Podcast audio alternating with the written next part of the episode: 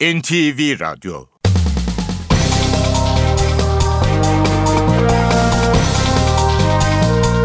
İşe Giderken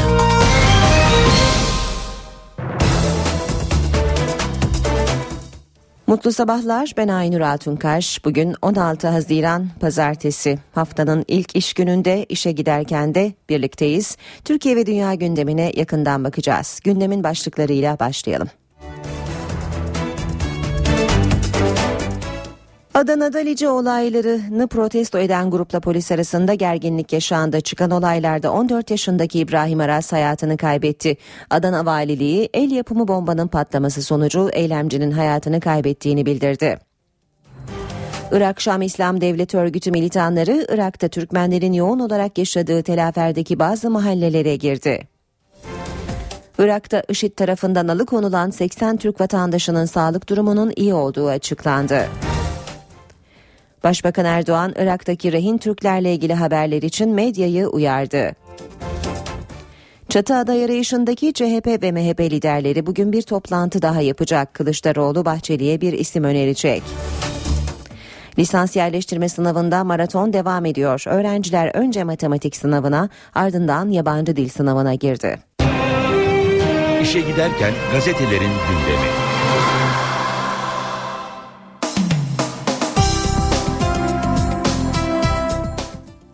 Gündemdeki gelişmelerin gazetelerdeki yankılarına bakalım. Hürriyet gazetesi kurşun atmadan Kerkük'ü aldılar diyor. Kerkük'te Irak ordusundan eser yok. Peşmerge her yere hakim. Zap suyu sınır olmuş. Doğrusu doğusu Kürtlerde, batısı Araplarda. Türkmen Muhammed Kebapçıoğlu normal zamanda Peşmerge Kerkü'yü almaya kalksa kan gövdeyi götürürdü. Şimdi tek kurşun atmadan kontrolü ele aldılar diye anlatıyor. Peşmerge komutanı Albay Akit Fatih Kürdistan'ın emriyle hareket ediyoruz. Irak ordusunun toparlanması iki yıl alır. Kerkü'ye geri dönemezler diyor. Hürriyet gazetesi muhabirinin izlenimlerini okuyoruz. Hürriyet'in manşetinde. Devam edelim yine hürriyetten aktarmaya. Telafer düştü. Türkmenlerin yoğun yaşadığı Musul'a bağlı Telafer kentinde sabah püskürtülen IŞİD güçleri gece kontrolü ele geçirdi. Her adımda katliam, Bağdat'a ilerleyen IŞİD militanları esir aldıkları Şii askerleri topluca katlederken çekim yapıp web sitesinden yayınlıyorlar. Hürriyetten aktarmaya devam edelim. Yeni tezkere risk getirir. Uluslararası hukuku en iyi bilen isimlerden CHP'de siyasete girmeden önce Avrupa İnsan Hakları Mahkemesi yargıcı olan Rıza Tülmen IŞİD ve savaş hukukunu anlatmış. Rehineler bırakılmazsa Türkiye'nin askeri harekat yapma hakkı var ancak mevcut tezkere Musul'a yetmez. Yeni bir tezkerenin IŞİD'e göndereceği mesaj da iyi hesaplanmalı. Rehineleri tutan örgüt adamlar harekatı hazırlanıyor diyecek. Karşınızda cihatçı bir örgüt var bu şartlarda diplomatik yol en uygunudur diye anlatıyor Rıza Türmen. Milliyette Türkmenler pes etmiyor manşeti var. IŞİD militanları telafere girdi. Çok sayıda ölü ve yaralı var. Türkmen cephesi terörist her yerimizi sardı. Ailelerimizi korumak için savaşıyoruz diyor ve yardım bekliyor. İran birlik gönderdi. Türkmen kaynaklara göre İran'ın Lukba adı verilen özel kuvvetleri telafer yakınlarına geldi ve Irak ordusuyla birlikte IŞİD'e karşı çatışmalara katıldı. Irak ordusu Türkmenler ve Lukba birliklerinden oluşan cephe IŞİD'e karşı karşı koymaya çalışıyor. Şiilere kurşun, Sünnilere af. Musul'dan sonra Tikrit'i de e, alan Irak Şam İslam Devleti militanları kentteki esir 2500 polisten Şii olan 1700'ünü kurşuna dizerek öldürdü. IŞİD lideri Ebu Bekir el-Bağdadi Sünni polislerin ölüm cezasını affetti. IŞİD Tikrit'teki birçok devlet kurumunu da ele geçirdi. Esad yeniden komşu oldu. Suriye'de Esad güçleri 3 ay önce El Nusra militanlarının ele geçirdiği Türkiye sınırındaki Kesep kasabasını geri aldı. Hava saldırılarının ardından Yayla Dağı sınır kapısının karşısındaki Kesep kapısını da ele geçiren Esad, böylece Türkiye ile tekrar komşu oldu. Suriye'nin diğer sınır kapıları muhaliflerin elinde. Milliyetten okumaya devam edelim. Mezhep savaşı çıkabilir. Trabzon'da konuşan Erdoğan, Musul Başkonsolosluk personelinin sağlık durumunun iyi olduğunu belirtti. Erdoğan, Irak'taki durumu da bu IŞİD unsurlarının bir olayı olmaktan daha da öteye geçti. Belki de bir mezhep savaşına gidecek. Burada iç dış tahrikler çok büyük rol oynuyor sözleriyle değerlendirdi. CHP MHP'ye isimle gidecek favori Büyükerşen Plase Sami Selçuk Kılıçdaroğlu köşk adayı için MHP lideri Bahçeli'ye bugün isim önerisi götürecek. Bu ismin e, Eskişehir Büyükşehir Belediye Başkanı Büyükerşen olacağı kulislere yansıdı. Yargıtay Onursal Başkanı Selçuk'un isminin de görüşmede gündeme gelebileceği ifade edildi. Yine milliyetten bir başlık. Eşcinseller ayıklanır. Eşcinsel olduğu için polislikten atılan FE bakanlıktan gelen görüşle yine sarsıldı. Kanun bu tür memurların ayıklanmasını öngörmüştür. Sabah gazetesinde manşet. Merak etmeyin sağlıkları iyi.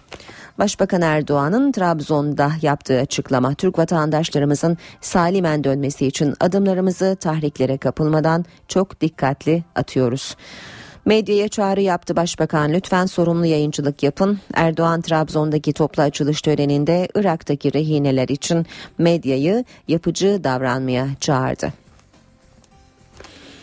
Dünya Kupası'ndan başlıklara bakalım. Sabah gazetesinde Fransa'dan farklı start. Fransa Dünya Kupası E grubundaki ilk maçında Honduras'ı farklı geçti. 3-0 Benzema'nın yıldızlaştığı maçta Horozların ikinci golüne hakem gol teknolojisinin yardımıyla karar verdi. Devam ediyoruz. Ee, Cumhuriyet gazetesiyle telafere baskın diyor manşet. Toplu katliamlar yaparak ilerleyen IŞİD Türkmen bölgesine saldırdı diyor Cumhuriyet'te. IŞİD dün sabah Türkmenlerin yoğun yaşadığı telafere havada, e, havan topuyla saldırdı. Aralarında kadın ve çocukların da bulunduğu 10 Türkmen öldü, 40 Türkmen yaralandı. Akşam saatlerinde IŞİD'in bazı mahalleleri ele geçirdiği bildirildi. Irak ordusunun bulunmadığı telaferi 5000'e yakın yerel polis gücü savunuyor. Halkın adayı olacak bir diğer başlık. Kılıçdaroğlu köşk için Bahçeli'ye bir öneriyle gideceğini açıkladı. CHP liderinin Sayın Bahçeli'ye bir öneriyle gideceğim sözleri isim önerisi olarak yorumlandı. Kılıçdaroğlu'nun gelişmelere göre bugün ya da yarınki grup toplantısında partisinin adayını açıklayabileceği öğrenildi. CHP liderinin Büyükerşen'in ev sahipliğinde yapılan CHP'li belediye başkanları toplantısında köşk kriterini CHP'nin adayı yok biz halkın adayını seçeceğiz açıklaması dikkat çekti. Soma'da Buruk Gün 301 maden işçisinin hayatını kaybettiği Soma'da 432 çocuk babasız kaldı. Milyonlarca çocuk bu pazar babalar gününü kutlarken 432 çocuk babasız bir hayatın acısını bir kez daha yaşadı. Bir maden işçisinin çocuğu babasının mezarı başında seni çok özledik baba sen de özledin mi dedi. E, Radikal gazetesi var sırada. Suriye gibi olacak diyor Radikal manşetinde. Kürdün Arap'la sınırı Zap suyu Kerkük'te Irak ordusu out peşmerge in. Dostum Muhammed normalde peşmerge Kerkük'e yönelse kan gövdeyi götürürdü tek kurşun atmadan kontrolü ele aldılar dedi. Zap suyu sınır olmuş doğusu peşmerge batısı Araplarda. Bu izlenimleri az önce Hürriyet gazetesinden de aktarmıştık. Fehim Taştekin'in izlenimlerini görüyoruz. Kerkük'teki. Türkmenler de milisleşiyor. Erşat Salih'i diğer tüm grupların milis güçleri var silahımız olmadığı için zorluklar yaşıyoruz diyor. İnsanların kendini savunma mecburiyetinde olduğunu belirten Salih'i kesinlikle biz de silahlı bir güç kurma kararlılığındayız diye konuştu. Devam ediyoruz Star gazetesiyle mezhep gerilimi diyor manşeti. Star'ın Maliki Sünnileri yok sayarak uyguladığı Şii paramiliter politikası Irak'ı yakıyor. Başbakan Erdoğan mezhep savaşına doğru gidildiğine işaret ederken dışişleri kriz mezhepsel çatışma boyutuna ulaştı dedi. Devam ediyoruz yine basın özetlerine NTV Radyo'da işe giderken de Habertürk gazetesine bakacağız. Mezhep savaşı uyarısı yine Başbakan Erdoğan'ın sözleri Irak'ta Musul kriziyle başlayan durum için korkulanı söyledi diyor Habertürk gazetesi de. Ee, IŞİD'in 1700 askeri kurşuna dizdiği fotoğrafına Habertürk gazetesi de yer veriyor birinci sayfasında. 10 dakika krizi bir diğer başlık. LYS'de İstanbul'da bir okulda geometri testine 60 yerine 50 dakika verildi. O öğrenciler belki şimdiden kaybetti diyor Habertürk haberinde. Bahçeli'ye hangi ismi verecek sorusu başlıkta Kılıçdaroğlu köşk adayı için Bahçeli ile bugün yapacağı ikinci görüşmeye isim önerisiyle gideceğini açıkladı. Ayrıntı vermedi. Görüşmeden çatı aday için uzlaşı çıkarsa bu hafta açıklanacak. Kulislerdeki isimler Büyük, e, Baykal, Büyükerşen, e, İhsanoğlu ve Kesici diyor Habertürk haberinde. Yeni Şafak gazetesi Türkmenler ateş altında demiş. Bu sulu işgal eden IŞİD Şii Türkmenlerin yaşadığı telaferi vurdu. Militanlar havanla dövdükten sonra kente girdi. Çok sayıda sivil öldü. Peşmergelerin savunduğu Kerkü'ye bağlı Türkmen ilçe ve kasabaları da tehlike altında. Örgüt Beşir kasabasını kuşattı. Kürt yönetimiyle temas kuran Türkmenler silahlanma kararı aldı. Zaman gazetesiyle bitirelim basın özetlerini. Zaman manşetine Türkçe olimpiyatlarını almış. Gurbette yeni bir dünya heyecanı başlığını atmış habere. Bükreş'te yapıldığını söylüyor. Türkçe olimpiyatlarının şarkı ve şiir finallerinin bir başka e, haber Zaman gazetesinde LYS'de matematik soruları yine zorladı başlığını taşıyor. Lisans yerleştirme sınavlarının dünkü oturumlarında 744.562 öğrenci matematik, 70.767 öğrenci de yabancı dil sorularını cevaplamak için ter döktü. Adaylar matematik ve geometri sorularının zor olduğunu söyledi diyor Zaman Gazetesi haberinde. İşe giderken de beraberiz gündeme yakından bakmaya başlayalım. Adana'da Lice'deki olayları protesto eden grupla polis arasında gerginlik yaşandı. Çıkan olaylarda bir kişi hayatını kaybetti. Seyhan ilçesinde toplanan grup yola barikat kurdu. Polis göstericilere tazikli su ve biber gazıyla müdahale etti. Çıkan olaylarda 14 yaşında olduğu öğrenilen İbrahim Aras hayatını kaybetti. Adana Valiliğinden yapılan açıklamada Aras'ın el yapımı patlayıcı bir maddenin infilak etmesi sonucu hayatını kaybetti kaybettiği belirtildi. Adana Emniyeti çıkan olaylara ait olduğu belirtilen güvenlik kamerası görüntülerini de medyaya dağıttı. Şırnak Silopi'de terör örgütü üyesi 5 kişi güvenlik güçlerine teslim oldu. Genelkurmay Başkanlığı'ndan yapılan açıklamada terör örgütü üyesi 5 kişinin silahsız olarak güvenlik güçlerine teslim olduğu belirtildi. Açıklamada ayrıca Hakkari Yüksekova'da bir kişinin örgüt üyelerince kaçırıldığı da vurgulandı. İşe giderken Irak Şam İslam Devleti örgütü Irak'taki ilerleyişini sürdürüyor. Teröristlerin Türkmenlerin yoğun olarak yaşadığı Telafer'deki bazı mahallelere girdiği belirtiliyor. Reuters haber ajansının görgü tanıklarını dayandırdığı haberde ise IŞİD'in Telafer'i aldığı öne sürülüyor. IŞİD'in havan topu saldırılarında 10 Türkmen hayatını kaybetti. Irak ordusunun savunması sonrası IŞİD militanlarının başkent Bağdat'a ilerleyişi yavaşladı. Hükümet güçleri Selahaddin ve Diyala eyaletlerinde IŞİD mevzi mevzilerine hava saldırıları düzenledi. Bu noktalarda Şii milisler de orduya destek veriyor, IŞİD'in elindeki bazı bölgelerde geri alınmış durumda. Musul'un ardından Bağdat'a 180 kilometre uzaklıktaki Saddam Hüseyin'in memleketi Tikrit'i ele geçiren IŞİD'den katliam fotoğrafları geldi. IŞİD Tikrit'te 1700 güvenlik görevlisini infaz ettiğini öne sürdü. Örgütün internette paylaştığı fotoğraflarda Tikrit'te esir alınan 2500 güvenlik personeli görülüyor. Örgüt bu esirlerden 1700'ünün kurşuna dizildiğini açıkladı. Ölüm emrinin IŞİD lideri Ebu Bekir el-Bağdadi'den geldiği belirtiliyor. Amerika Birleşik Devletleri dış, dev, e, devletleri Bağdat Büyükelçiliğinde görevli çalışanlarının bir kısmının tahliye edileceğini açıkladı. Personelin büyük kısmı elçilikte kalmaya devam edecek, güvenlik önlemi de artırılacak. Tahliye edilen çalışanların bir kısmının Basra, Erbil ve Ürdün'deki Irak destek birliklerinde görevlendirileceği açıklandı. Irak'ta IŞİD tarafından alıkonulan 80 Türk vatandaşının sağlık durumunun iyi olduğu açıklandı. Hafta sonu Trabzon'da konuşan başbakan medyayı Musul haberleri için uyardı.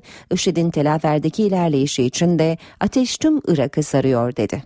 Şu anda yaklaşık 100 kadar vatandaşımız IŞİD unsurlarının elinde. Biz bunları sağ salim kurtarmanın gayreti içerisindeyken siz tahrik etmek suretiyle ne elde etmeye gayret ediyorsunuz? Başbakan Recep Tayyip Erdoğan alıkonulan Türkler için medyaya bu sözlerle seslendi. Trabzon'da, Irak'ta IŞİD'in elindeki Türk vatandaşlarının sağlık durumu hakkında bilgi verdi. Sağlık sorunları konusunda herhangi endişe Herhangi bir endişe yok. Yani Arkadaşlarımızın şu anda aldıkları bilgiler herhangi bir sıkıntı o noktada yok.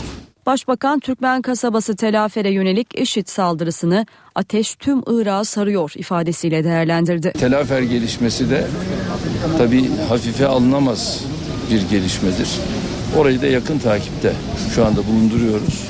Artık olayı Musul olarak değerlendirmekten öte bir süreç yaşanıyor. Artık olay tamamıyla bir Irak olayı haline gelmiştir. Ve Irak'ın genelinde hemen hemen tüm eyaletlere doğru bu ateş sıçramıştır. Alıkonulan Türkler konusunda Dışişleri Bakan Yardımcısı Naci Koru da bilgi verdi. Konsolosluk çalışanları için rehine ifadesinin kullanılmasına 49 insanın rehin alındığını düşünmüyoruz sözleriyle karşı çıktı. Güvenlik ve istihbarat güçlerimiz kendi kanallarından durumu takip ediyor. 49 vatandaşımızın güvenliğiyle ilgili hiçbir sorun yok. Sağlıkları yerinde, her şeyden haberimiz oluyor. Bağdat'ta şu an için tehdit yok. Ama şartlar değişirse bunun planlarını da yapıyoruz.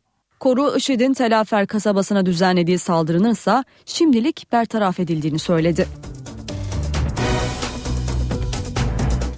Muhalefet de Musul'daki gelişmeleri yakından izliyor. CHP lideri Kemal Kılıçdaroğlu hükümetin Türkiye'yi Orta Doğu bataklığına sürüklediğini söyledi. Bir ülke düşünün değerli arkadaşlarım. Orta Doğu bataklığına sürüklüyorsunuz bir ülkeyi. Bir bataklığa sürüklüyorsunuz.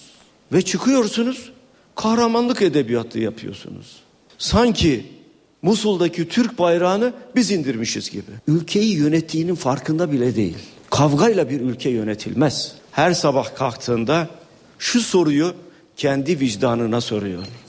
Bu memleket nereye gidiyor diye. Bayrağımız indiriliyor. Nereye gidiyoruz? Konsoloslukta yurttaşlarımız rehin alınıyor. Nereye gidiyoruz? Her sabah gazeteleri açtığımızda, televizyonları dinlediğimizde öfkeli bir sesin toplumdan intikam alırcasına konuştuğunu görüyoruz ve duyuyoruz. Ve soruyoruz nereye gidiyoruz? Sanki bir kavganın ortasındayız. Dışişleri Bakanlığı Musul'da rehin alınan konsolosluk çalışanları ve Türk tır şoförlerinin kurtarılması için çalışmaların hassasiyetle devam ettiğini bildirdi. Musul'da gelişmelerin çok hızlı değişim gösterdiğine dikkat çeken bakanlık, güvenlik alanında düzelme sağlanamadığı, krizin mezhepsel çatışma boyutunun güç kazandığını ifade etti. Bakanlık bir kez daha Musul, Kerkük, Ambar, Bağdat ve Selahaddin'de yaşayan Türk vatandaşlarını uyardı ve en kısa sürede bu bölgelerden ayrılmalarını istedi. IŞİD'in Irak'taki ilerleyişini Türkmenler kaygıyla izliyor. Irak Türkmen Cephesi lideri Erşat Salih'i Irak'ın bölünmeye doğru gittiği görüşünde. Irak'taki Türkmenler ülkede olup bitenler nedeniyle tedirgin. NTV'ye konuşan Irak Türkmen Cephesi lideri Erşat Salih'i de bu tedirginliği dile getiriyor. Biz kaderimize bırakılmış gibi göründük. Bu e, emri vaka siyasetini kesinlikle kabul etmeyeceğiz. Buradan da bu yeni haritanın içinde özellikle mesajımız Kuzey Irak'ta olan e, yönetime, arkadaşlarımıza, kardeşlerimize bunu söylemekteyiz. Bu bölgelerde hep beraber yaşadık. Hep beraber de hakimiyetimizi sürdürmeliyiz. Irak'ın bölündüğünü söyleyen Salih'i, Türkmenlerin de bir bölgesinin olmasından yana. Irak e, bölünme noktasına yürümektedir hızla da. Ee, biz temenni etmeriz bu gerçekleşsin. Yine de Irak'ın toprak bütünlüğünün yanındayız. Ama bunlar gerçekleşmiş olursa, bir Sünni bölgesi oluyorsa, bir Şii bölgesi var ise, bir Kürt bölgesi var ise e, Türkmenlerin de kendilerine ait bir bölgeleri olması lazımdır. Salih'i Kerkük'ün müşterek olarak yönetilebileceğini belirtti. Önceden Kerkük'ün özelliğini korumak, e, müşterek bir şekilde buranın idaresini gerçekleştirmek. E, bir de bunların yanında Türkmenler Tuz Hurmatı da var, Diyala da var, Telafer de var. En az bir otonom haline, bir sistem, yeni bir sistem haline getirilmeleri en az Türkmenlerin kendilerine ait bir idareleri olmaları e, bizce daha uygun görünebilir. Türkmen liderin Türkiye'ye de bir çağrısı var. Türkiye, Irak'ın içinde sürekli herkesle eşit mesafede durmaları bizce bu şekil olmamalıydı. En az Türkmenlere daha çok yakından e, olmaları lazımıydı. Yeterince e, desteklenmemiz gerekmekteydi bundan önce. E, biz e, bu desteği herkesten bekliyorduk. Ama yine de Türkiye'nin e, gücü, e, manevi gücü, Türkiye'nin baskısı burada olmazsa Türkmenler bir an burada yaşayamazlar. IŞİD örgütünden kaçanların çoğunluğu bölgesel Kürt yönetiminin kontrolündeki kentlere sığınıyor. O kentlerden biri de Erbil. Erbil'deki sığınmacı sayısı yüz binlerle ifade ediliyor. Iraklı sığınmacılar için Birleşmiş Milletler ve yardım kuruluşları devrede. 3000'den fazla ailenin barınabileceği yeni bir kampın açılması planlanıyor. Sadece Musul değil Ambar ve Suriye'den de Kürt bölgesine sığınmacılar geldi. Birleşmiş Milletler verilerine göre IŞİD tehdidi nedeniyle yaklaşık 1 milyon Iraklı evlerini terk etmek zorunda kaldı. Irak Başbakanı Nuri El Maliki Irak ordusuna gönüllü olarak katılanlara seslendi. Maliki Irak ordusunun Irak Şam İslam Devleti karşısında kontrolü ele geçirmeye başladığını belirtti. İnisiyatifi yeniden elimize aldık. Sizlerle ve ordudaki kardeşlerimizle Irak halkının geleceğinin önünde duranları yeneceğiz. Üzerlerine yürümeye başladık ve saklanacak bir yerleri olmayacak. Irak Başbakanı Nuri El Maliki, başkent Bağdat'ın güneyindeki Mahmudiye ilçesinde orduya gönüllü olarak katılanlara hitap etti. Maliki, ordu birliklerinin Irak Şam İslam Devleti örgütü IŞİD'in karşısında kontrolü ele geçirmeye ve ilerlemeye başladığını söyledi. Başbakan Maliki, güneyden kuzeye, kirlettikleri her bir karış toprağa doğru ilerliyoruz ifadelerini kullandı. Irak Başbakanı konuşmasında Musul'un düşmediğini savundu ve asıl düşen Irak'ın düşmesi için aralarında bahse giren siyasilerdir dedi. Başbakan Maliki eli silah tutan her genci orduya gönüllü olarak katılmaya çağırmıştı. Irak'taki Şiilerin en güçlü dini lideri olarak kabul edilen Ayetullah Ali Sistani de IŞİD'e karşı cihat çağrısında bulunmuştu. Bunun üzerine militanların ilerleyişini durdurmak için yüzlerce kişi Bağdat'ta askerlik şubelerinin önünde kuyruklar oluşturmuş ve orduya yazılmıştı. İşe giderken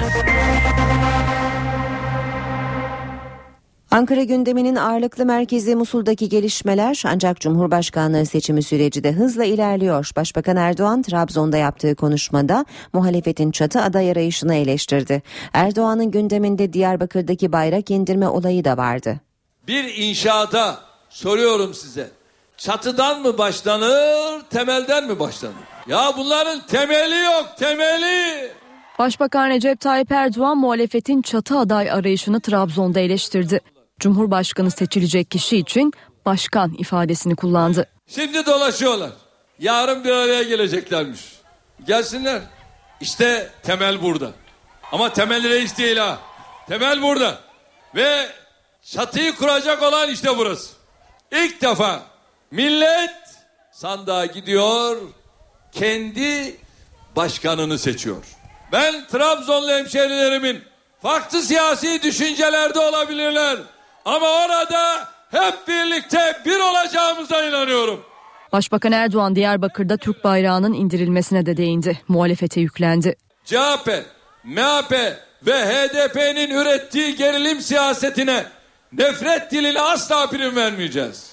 O bayrağa saldıran hain vurulsaydı Doğu ve Güneydoğu'da o hainin cesedi üzerinden yeni bir tahrik kampanyası başlatılacaktı.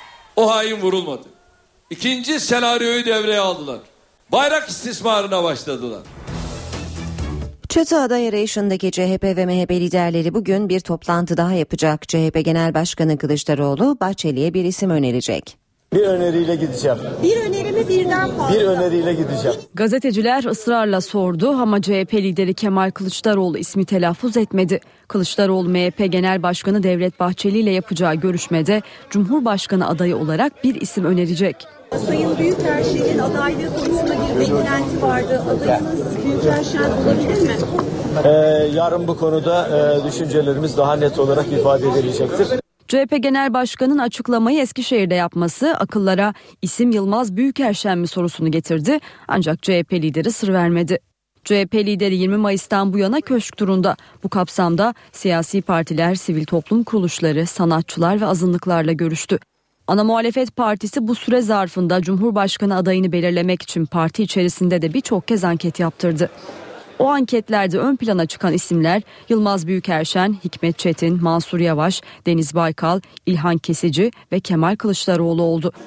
Kılıçdaroğlu köşk turu kapsamında önemli bir adımı bu görüşmede atacak. İlk görüşmeden yaklaşık bir ay sonra iki lider yeniden bir araya gelecek. Bu kez aday tartışması isim üzerinden yürüyecek.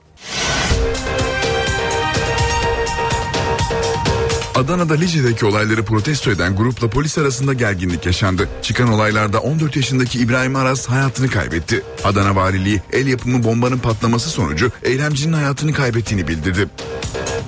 Irak Şam İslam Devleti örgütü militanları Irak'ta Türkmenlerin yoğun olarak yaşadığı Telafer'deki bazı mahallelere girdi.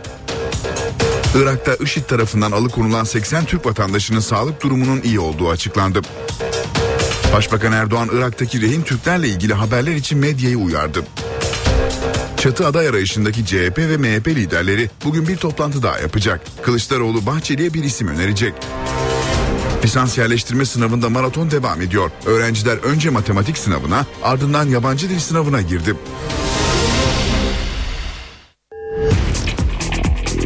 Spor haberleri başlıyor.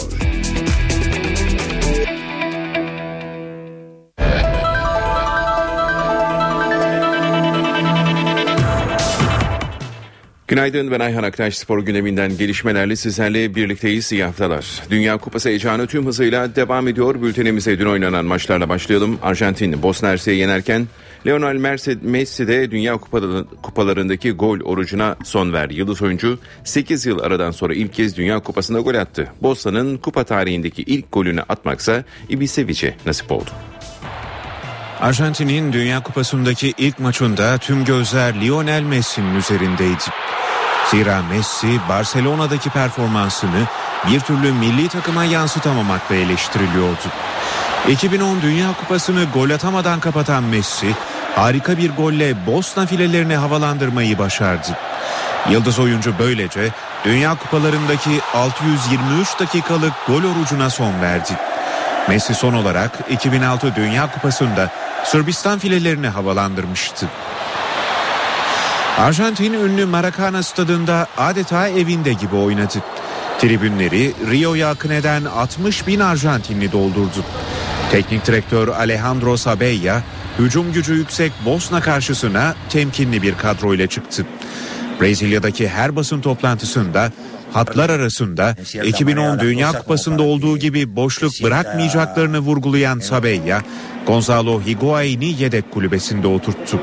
Hücumda tüm ipleri Messi, Agüero ve Di Maria'nın eline veren Sabella sahaya pek çok savunma ağırlıklı oyuncu sürdü. Bosna Hersek ise tarihinin ilk Dünya Kupası maçına şanssız başladı. İkinci dakikada olduktan hemen sonra topu kendi ağlarına gönderen Kolasinac, Dünya Kupaları tarihinin en erken kendi kalesine gol atan oyuncusu oldu. Ülkesinin kupa tarihindeki ilk golünü atma şerefi ise Vedat Ibisevic'e nasip oldu. Ancak son dakikalarda gelen gol Bosna'ya puan için yeterli olmadı. Teknik direktör Saffet Susic Galatasaraylı Hayrovic'e ilk 11'de şans verdi. Susic daha sonra İstanbul Başakşehir'den Visca ve Gaziantep Spor'dan Medunyanni de oyuna sürdü. Dün sonucu merakla beklenen diğer maçta Fransa şampiyonaya galibiyetle başladı. E grubunda mücadele eden Maviler maçı 10 kişi tamamlayan Honduras'ı 3 golle geçti. Fransa ile Honduras Porto Alegre kentindeki Beira Rio stadında karşı karşıya gelecek. Maçı Brezilya Futbol Federasyonu'ndan Sandro Ricci yönetecek. Fransa'nın 2010 Dünya Kupası'nda yaşadığı hüsran hala Fransa-Honduras maçında iki gol atan Karim Benzema yıldızlaştı. Mavilerin teknik direktörü Didier Deschamps oyuncularının ortaya koyduğu performanstan fazlasıyla memnundu. Honduras teknik direktörü Suarez ise yenilgiyi 10 kişi kalmalarına bağladı. 2010 Dünya Kupası'nda skandalla sonuçlanan oyuncu isyanı sonrası Fransa'nın Brezilya'da neler yapacağı merakla bekleniyordu. Honduras karşısında maça hızlı giren Fransa, gol için ilk yarının sonuna kadar beklemek zorunda kaldı. Honduras'ın Pogba'nın ceza sahası içinde düşürüldüğü pozisyonda 10 kişi kalmasıyla Maviler içinde maçın kilidi çözüldü. Benzema'nın penaltı golüyle öne geçen Fransa ikinci yarıda farkı 3'e çıkararak 2006 Dünya Kupası yarı finalinden bu yana ilk kez kupada galibiyete uzandı. Karim Benzema ise 1998 finalinde iki gol atan Zinedine Zidane'dan sonra bir Dünya Kupası maçında iki kez fileleri havalandıran ilk Fransız oyuncu oldu. Benzema Honduras karşısında ortaya koyduğu futbolla kupanın yıldızı olabileceğini de gösterdi.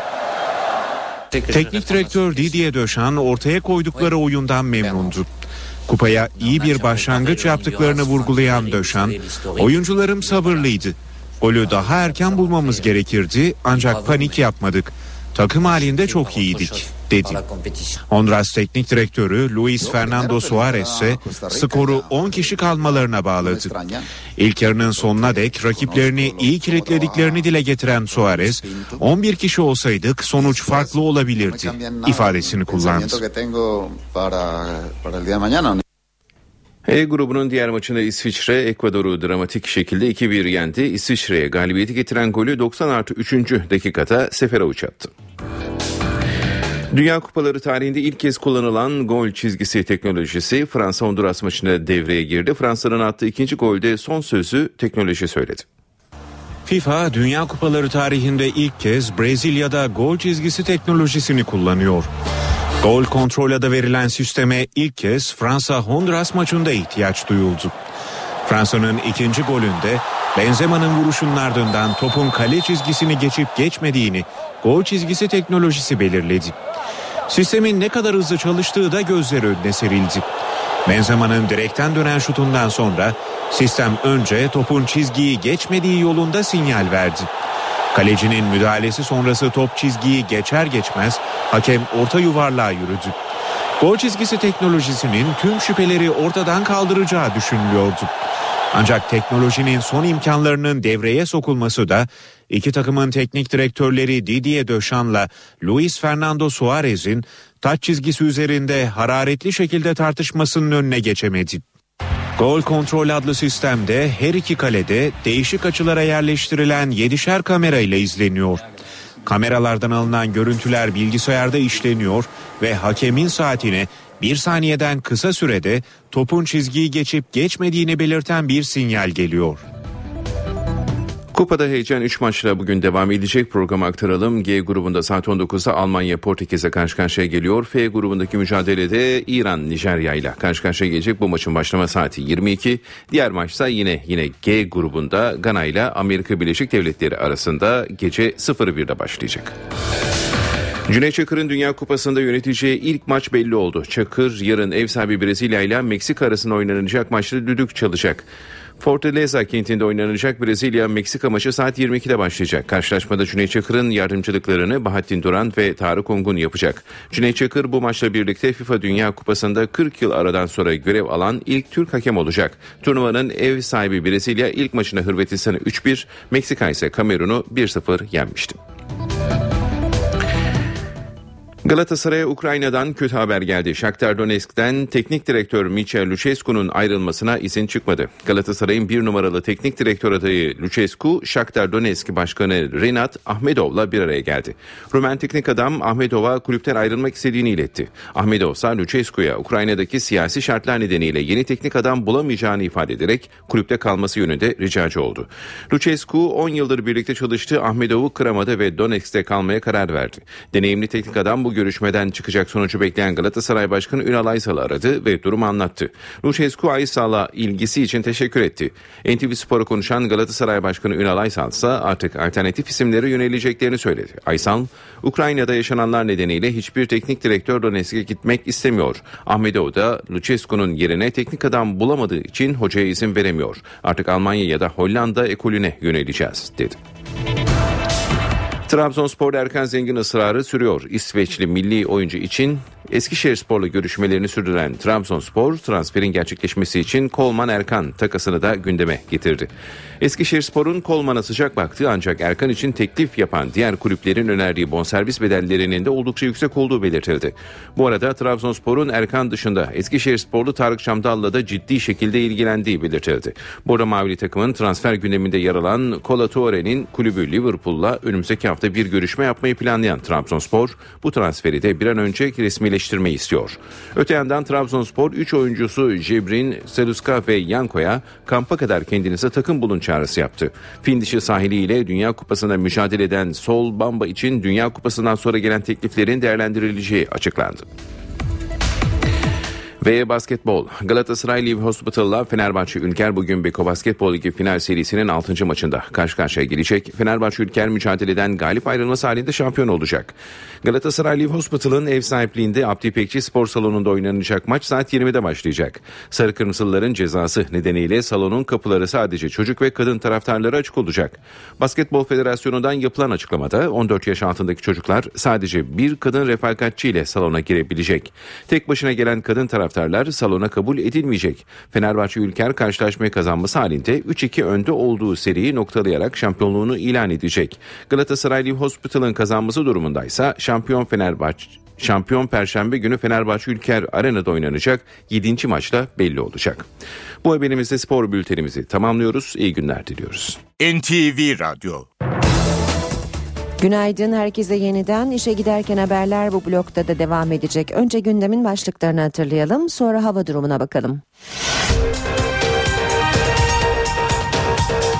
Adana'da Lice'deki olayları protesto eden grupla polis arasında gerginlik yaşandı. Çıkan olaylarda 14 yaşındaki İbrahim Aras hayatını kaybetti. Adana Valiliği el yapımı bombanın patlaması sonucu eylemcinin hayatını kaybettiğini bildirdi. Irak Şam İslam Devleti örgütü militanları Irak'ta Türkmenlerin yoğun olarak yaşadığı Tel Afer'deki bazı mahallelere girdi. Irak'ta IŞİD tarafından alıkonulan 80 Türk vatandaşının sağlık durumunun iyi olduğu açıklandı. Başbakan Erdoğan Irak'taki rehin Türklerle ilgili haberler için medyayı uyardı. Çatı aday arayışındaki CHP ve MHP liderleri bugün bir toplantı daha yapacak. Kılıçdaroğlu Bahçeli'ye bir isim önerecek. Lisans yerleştirme sınavında maraton devam ediyor. Öğrenciler önce matematik sınavına ardından yabancı dil sınavına girdi. Gökhan Abur'la beraberiz. Günaydın Sayın Abur. Günaydın. Kimi yerlerde sel etkili oldu yurtta. Ee, Yozgat'ta bir can kaybı var. Bir e, çobanın üzerine yıldırım düştü. Ee, Trakya'da çok kuvvetli yağmur var. İstanbul'a doğru da geliyor mu acaba yağmur diye soralım önce. Hayır sabah erken saatlerde zaten çekmece başta olmak üzere bölgede gök gürültüsü bir hayli etkiliydi. Oray dediğimiz bu olayla birlikte yer yer yağışlar vardı. Ama şu an itibariyle sistem e, dağıldı. Yani bulutlar e, ilerleyen saatlerde etkisini tamamen kaybedip İstanbul'da bugün için parçalı zaman zaman açık az bulutlu bir hava olacak. Ve sıcaklık yükselmeye devam edecek ama öğle saatlerinden sonra Marmara'nın güney kesimlerinde hafif yağış geçişleri var. Bunlar yine Çanakkale, Balıkesir, Bursa, Sakarya arasında hafif olarak görülecek yağışlar. Ama ilerleyen saatlerde Batı Karadeniz bölgesinde zaman zaman kuvvetlenecek yağışlar görülecek. İç Anadolu bölgesinde yine öğleden sonra yağış var. İç Ege'de Afyonkarahisar, Kütahya arasında yine gök gürültülü sağanakların öğleden sonra etkili olmasını bekliyoruz. Sıcaklıklar hızlı bir şekilde yükseliyor. Bugün güneyde Akdeniz'de sıcaklıklar 33 ile 35 derece arasında olacak ki Antalya'da 33 dereceyi geçmesini bekliyoruz. Ve nem oranı bir hayli yüksek. Bölgede bulunanlar mümkün olduğunca güneşin altında fazla kalmasınlar diyeceğim. Deniz de ısınmaya başladı çünkü sezon o bölgede çoktan açıldı. Ege'de ise sıcaklıklar yükseliyor. Bugün yine İzmir 30 derecenin üzerine çıkacak. Öğleden sonra Muğla'da parçalı bulutlu bir hava olsa da orada da sıcaklık 30 derece civarında. Ama demin söylemeye çalıştım iç kesimlerde öğleden sonra kısa süreli de olsa Afyonkarahisar Kütahya arasında hatta Denizli'ye kayan bölgede kısa süreli sağanak yağmur geçişi görülebilecek. Evet sıcaklıklar yükselmeye devam ediyor. İstanbul'da şu anda hava sıcaklığı 23 derece ve Poyraz 15 kilometre hızla esmesini sürdürüyor. Poyraz öğle saatlerinde biraz daha kuvvetlenecek. İlerleyen saatlerde ise rüzgar giderek zayıflayacak. Yarın güneyli rüzgarlar var ve güneyli rüzgarlar sıcaklıkları bugün de bugüne göre daha da arttıracak ve yarın sıcaklığın İstanbul'da da 30 dereceye geçmesini bekliyoruz. Özellikle çarşamba günü sıcaklık bir hayli yükselecek. Fakat perşembeden itibaren rüzgarın kuzeye dönmesi Batı Karadeniz, Marmara ve özellikle İstanbul'da sıcaklıkları yeniden 4-5 derece azaltacak ve bu azalışa bağlı olarak da hafta sonu yeniden kısa sürelilerde olsa İstanbul ve Marmara'daki yağışlar aralıklarla devam edecek. Evet Haziran ayı oldukça enteresan bir ay demiştim. Kararsız hava koşulları hala yerini e, terk etmiş değil.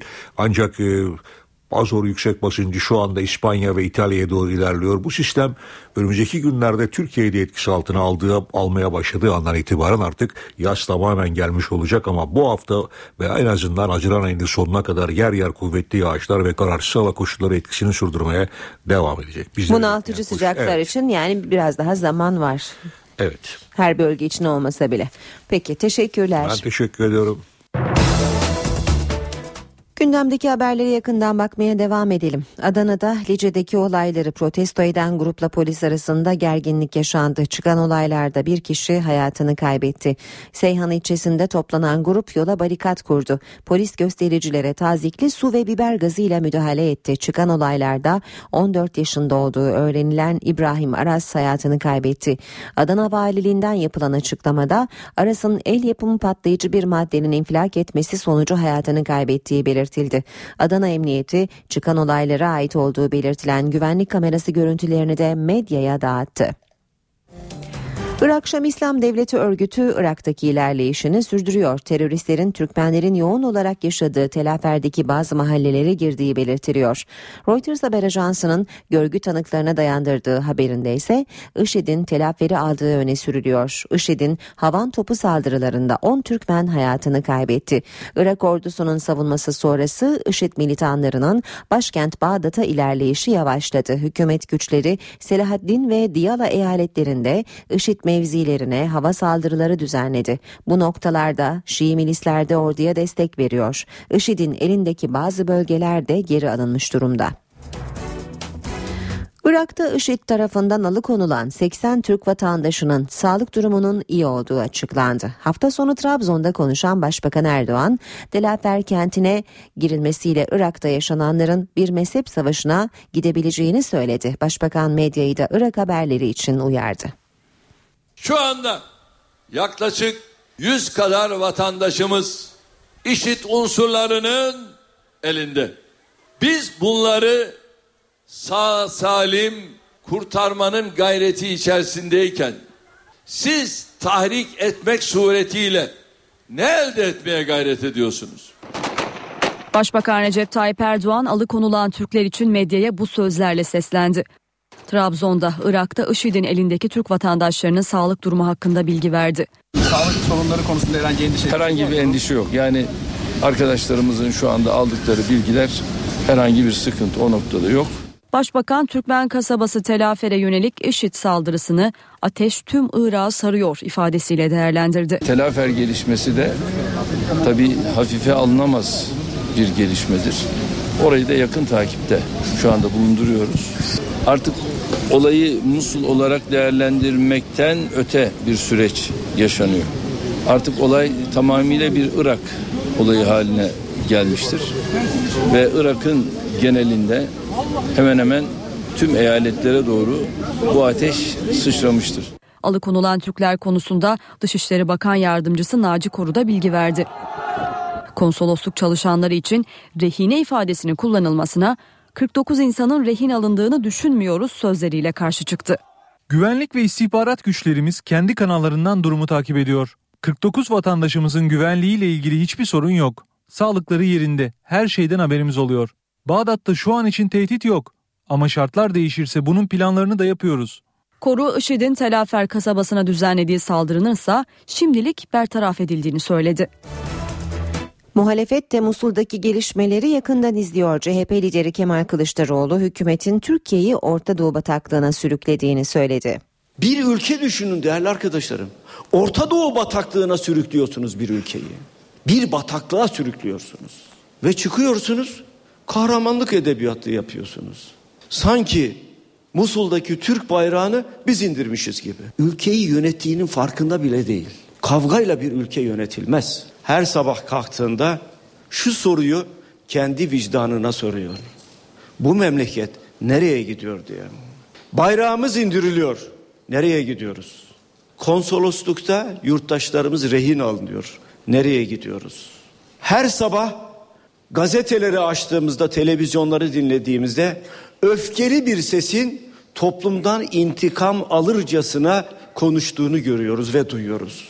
Ve soruyoruz nereye gidiyoruz? Sanki bir kavganın ortasındayız. Başkent Ankara bugün iki önemli konuğu ağırlayacak. NATO Genel Sekreteri Anders Fogh Rasmussen ve Avrupa Birliği Komisyonu'nun genişlemeden sorumlu üyesi Stefan Füle Ankara'ya geliyor. Rasmussen'in programı veda ziyareti olarak daha önceden planlanmıştı ama üst düzey görüşmelerde Irak krizinin de ele alınması bekleniyor. Rasmussen, Cumhurbaşkanı Gül, Başbakan Erdoğan, Dışişleri Bakanı Davutoğlu ve Milli Savunma Bakanı Yılmaz'la görüşecek. Stefan Füle'nin ise Cumhurbaşkanı Gül, Dışişleri, Avrupa Birliği, Adalet ve Ekonomi Bakanlarıyla Anayasa Mahkemesi Başkanı Haşim Kılıç'la bir araya geleceği bildirildi. NTV Radyo Başbakan Erdoğan Trabzon'daki toplu açılış töreninde Cumhurbaşkanlığı seçimine ilişkin konuştu. Muhalefetin çatı aday arayışını eleştirdi. 10 Ağustos'ta Cumhurbaşkanlığı seçimi var. Şimdi baktılar ki öyle oldu olmadı, böyle oldu olmadı, böyle oldu olmadı. Şimdi Cumhurbaşkanlığı seçiminde ne yapalım? Diyorlar ki çatı aday. Bir inşaata soruyorum size. Çatıdan mı başlanır, temelden mi başlanır? Ya bunların temeli yok, temeli. Şimdi dolaşıyorlar. Yarın bir araya geleceklermiş. Gelsinler. Temel burada. Ve çatıyı kuracak olan işte burası. 10 Ağustos'ta ben Trabzonlu hemşerilerimin göstereceğimiz Cumhurbaşkanı adayına sahip çıkacağına ve farklı siyasi düşüncelerde olabilirler ama orada hep birlikte bir olacağımıza inanıyorum. Çatı aday arayışındaki CHP ve MHP liderleri ise bugün bir toplantı daha yapacak. CHP Genel Başkanı Bahçeli'ye bir isim önerecek. Bir öneriyle gideceğim. Bir önerimi birden fazla. Bir öneriyle gideceğim. Gazeteciler ısrarla sordu ama CHP lideri Kemal Kılıçdaroğlu ismi telaffuz etmedi. Kılıçdaroğlu MHP Genel Başkanı Devlet Bahçeli ile yapacağı görüşmede Cumhurbaşkanı adayı olarak bir isim önerecek. Sayın Büyükelçinin adaylığı konusunda bir beklenti vardı. Adayınız Büyükel Şen olabilir mi? Ee, yarın bu konuda e, düşüncelerimiz daha net olarak ifade edilecektir. CHP Genel Başkanı'nın açıklamayı Eskişehir'de yapması akıllara isim Yılmaz Büyükerşen mi sorusunu getirdi ancak CHP lideri sır vermedi. CHP lideri 20 Mayıs'tan bu yana köşk turunda. Bu kapsamda siyasi partiler, sivil toplum kuruluşları, sanatçılar ve azınlıklarla görüştü. Ana muhalefet partisi bu süre zarfında Cumhurbaşkanı adayını belirlemek için parti içerisinde de birçok kez anket yaptırdı. O anketlerde ön plana çıkan isimler Yılmaz Büyükerşen, Hikmet Çetin, Mansur Yavaş, Deniz Baykal, İlhan Kesici ve Kemal Kılıçdaroğlu oldu. Kılıçdaroğlu köşk turu kapsamında önemli bir adımı bu görüşmede atacak. İlk görüşmeden yaklaşık bir ay sonra iki lider yeniden bir araya gelecek. Bu kez aday tartışması isim üzerinden yürüyecek. Halkların Demokratik Partisi'nden bir heyet geçen hafta İmralı'da Abdullah Öcalan'la yaptıkları görüşmenin ayrıntılarını aktarmak için Kandil'e gitti. İmralı heyetinde yer alan grup başkan vekilleri Pervin Buldan ve İdris Baluken uçakla gittikleri Erbil'den karayoluyla Kandil'e geçti. Heyet Abdullah Öcalan'la yaptıkları görüşmeye ilişkin ayrıntıları KCK yetkilileriyle paylaşacak. Türkiye Büyük Millet Meclisi yoğun bir haftaya hazırlanıyor. Genel kurulun gündeminde yeni yargı paketi olacak. Hükümetin bu hafta içinde Musul'daki konsolosluk baskınına ilişkin genel kurula bilgi vermesi de bekleniyor. Musul'da Türk konsolosluğuna düzenlenen baskın ve yeni yargı paketi. Meclis Genel Kurulu bu hafta bu iki konu üzerinde mesai yapacak. Hükümetin Meclis Genel Kurulu'na Irak Şam İslam Devleti örgütünün Musul'da Türk konsolosluğuna düzenlediği baskın konusunda bu hafta bilgi vermesi bekleniyor. Genel Kurulun ana gündem maddesi ise yeni yargı paketi olacak. 104 maddelik tasarının 86 maddesi kabul edildi. Yargı paketi çocuklara karşı işlenen suçlarda cezaları artırıyor. Hırsızlık ve uyuşturucuya verilen cezaları ağırlaştırıyor. Tasarının bu hafta kabul edilerek yasalaşması beklenmekte.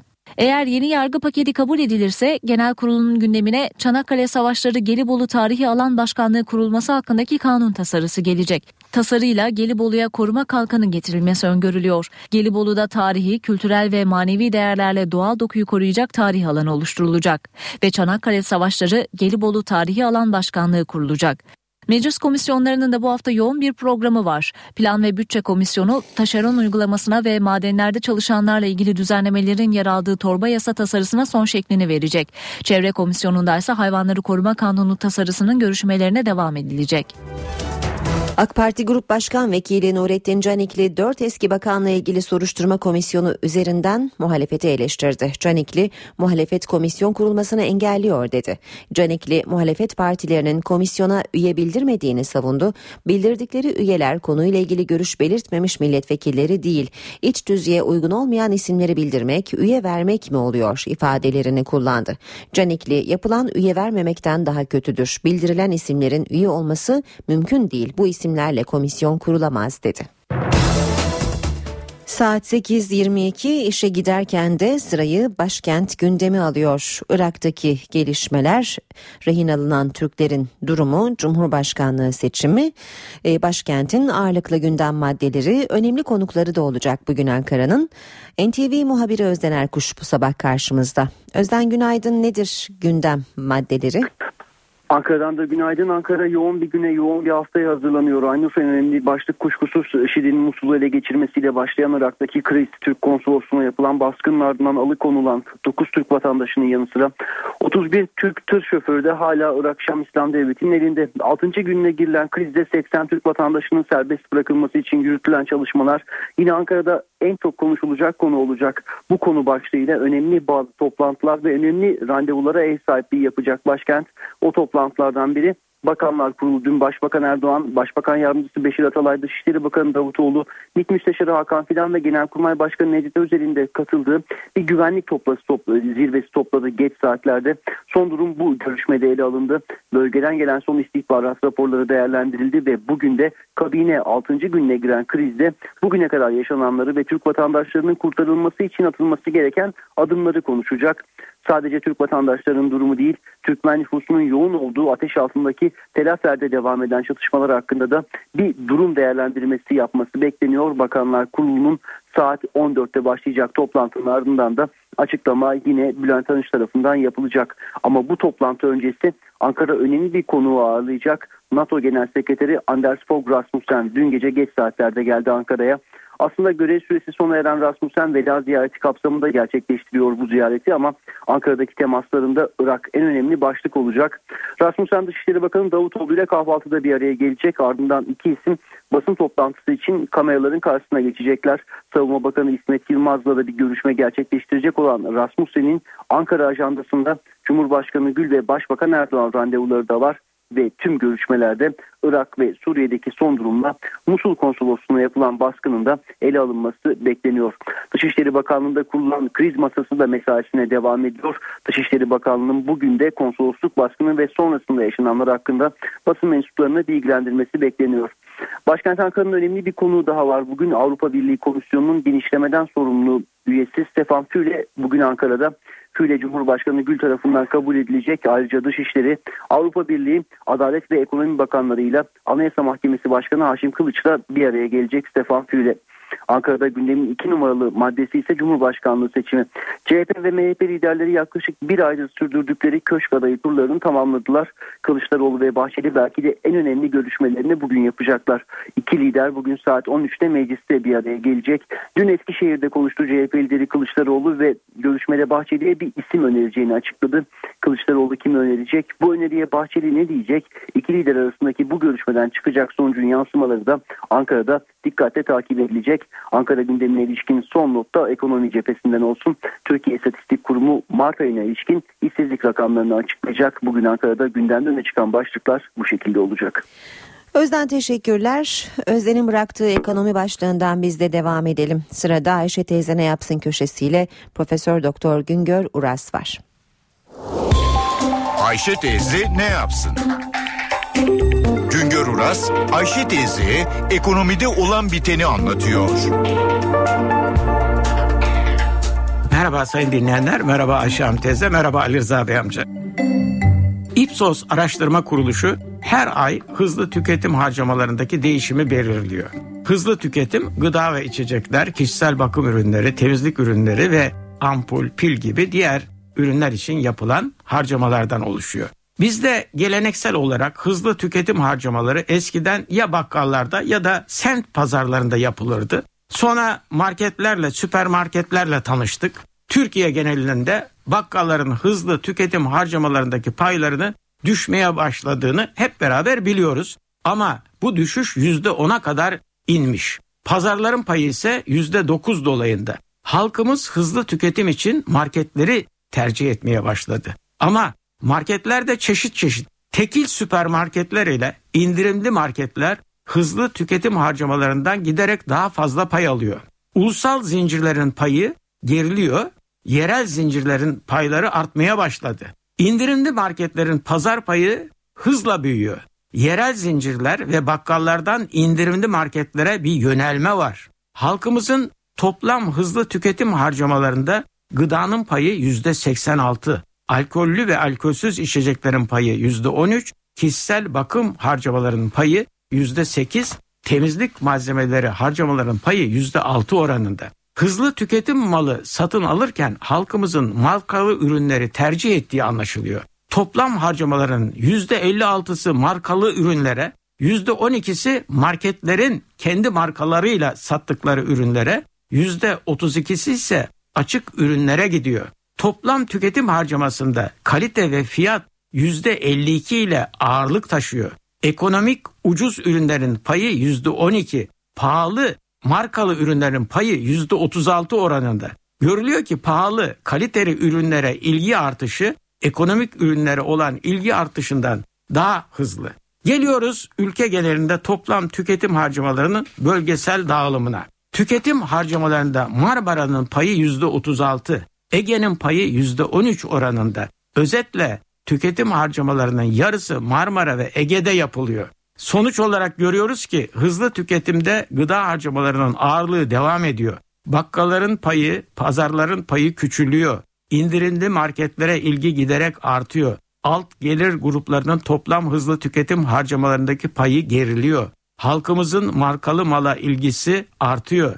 Yüksek fiyatlı olan ürünlere talep fazlalığı dikkat çekiyor. Hızlı tüketim harcamalarının yarısı Marmara ve Ege bölgelerinde yapılıyor. En az tüketim harcaması olan bölge ise Karadeniz.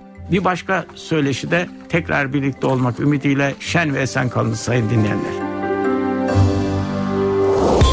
Güngör Uras'a sormak istediklerinizi ntvradio.ntv.com.tr adresine yazabilirsiniz. Şimdi piyasalara bakalım. BIST 100 endeksi cuma günü 822 puanlık düşüşle haftayı 79.011 puandan tamamlamıştı. Yeni haftaya dolar 2 lira 13 kuruştan, euro 2 lira 87 kuruştan başlıyor. Euro dolar 1.35 dolar yen 102 düzeyinde. Altının onsu 1282 dolar, kapalı çarşıda külçe altının gramı 88, çeyrek altın 154 liradan satılıyor. Brent petrolün varili 114 dolar. Adana'da Lice'deki olayları protesto eden grupla polis arasında gerginlik yaşandı. Çıkan olaylarda 14 yaşındaki İbrahim Aras hayatını kaybetti. Adana Valiliği el yapımı bombanın patlaması sonucu eylemcinin hayatını kaybettiğini bildirdi. Irak Şam İslam Devleti örgütü militanları Irak'ta Türkmenlerin yoğun olarak yaşadığı Tel Afer'deki bazı mahallelere girdi. Irak'ta IŞİD tarafından alıkonulan 80 Türk vatandaşının sağlık durumunun iyi olduğu açıklandı. Başbakan Erdoğan Irak'taki rehin Türklerle ilgili haberler için medyayı uyardı. Çatı aday arayışındaki CHP ve MHP liderleri bugün bir toplantı daha yapacak. Kılıçdaroğlu Bahçeli'ye bir isim önerecek. Lisans yerleştirme sınavında maraton devam ediyor. Öğrenciler önce matematik sınavına ardından yabancı dil sınavına girdi.